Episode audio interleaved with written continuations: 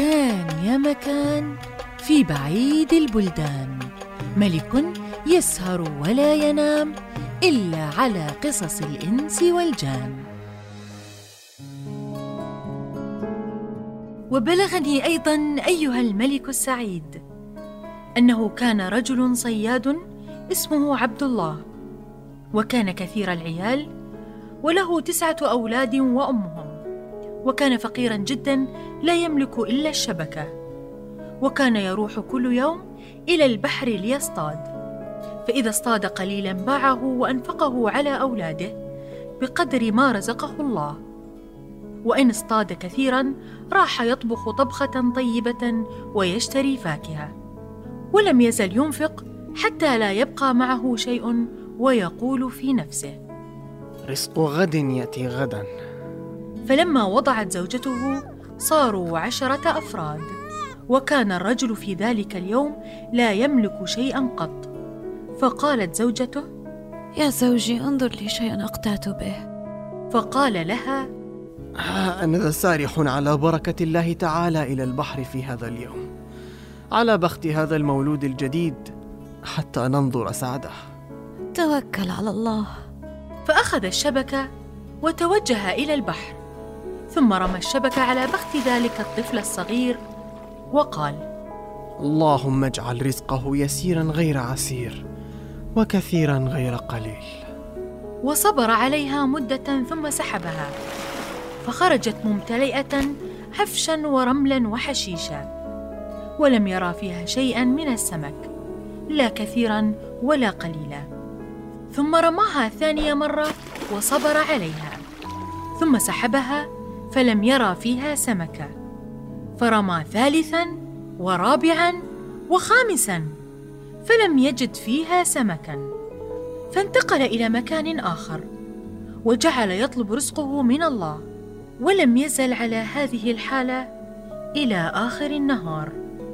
فلم يصطد ولا سمكة صغيرة فتعجب في نفسه وقال هل هذا المولود خلقه الله تعالى من غير رزق؟ فهذا لا يكون ابدا لأن الذي شق الأشداق تكفل لها بالأرزاق. فالله تعالى كريم رزاق.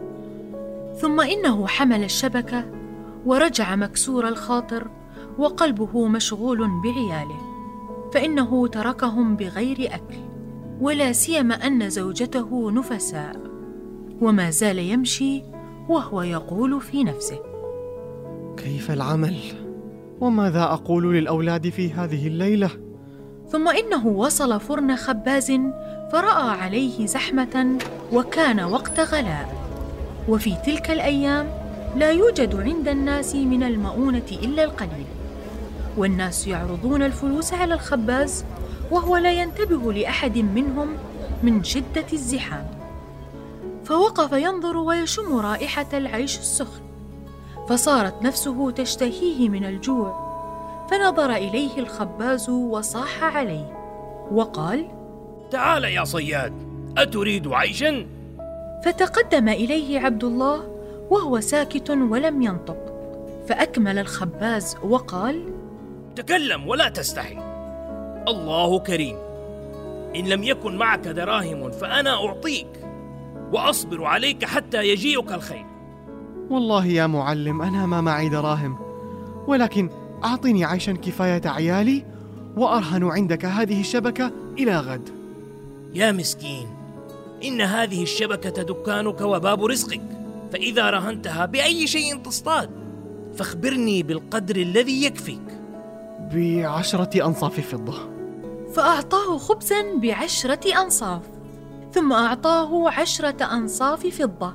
وقال له خذ هذه العشرة أنصاف واطبخ لك بها طبخة فيبقى عندك عشرون نصفا فضة. وفي غد هات لي بها سمكا وإن لم تحصل على شيء تعال خذ عيشك وعشرة أنصاف. وأنا أصبر عليك حتى يأتيك الخير. اجرك الله تعالى وجزاك عني كل خير.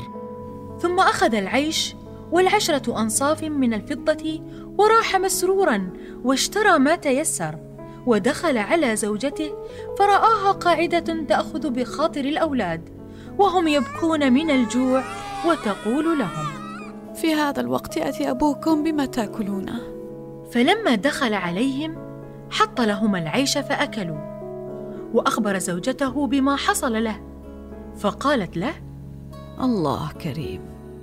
وفي ثاني يوم حمل شبكته وخرج من داره وهو يقول أسألك يا رب أن ترزقني في هذا اليوم بما يبيض وجهي مع الخباز. فلما وصل إلى البحر صار يطرح الشبكة فلا يخرج فيها سمك ولم يزل كذلك إلى آخر النهار فلم يظفر بشيء فرجع وهو في غم عظيم. وكان طريق بيته يمر بفرن الخباز. فقال في نفسه من أين أعود إلى داري؟ ولكن أسرع خطوي حتى لا يراني الخباز. فلما وصل إلى فرن الخباز رأى زحمة فأسرع في المشي من حيائه من الخباز حتى لا يراه. وإذا الخباز وقع بصره عليه فصاح يا صياد تعال خذ عيشك ومصروفك فإنك نسيت. والله ما نسيت. وإنما استحيت منك فإني لم أصطد سمكا في هذا اليوم. لا تستحي. أما قلت لك على مهلك حتى يأتيك الخير؟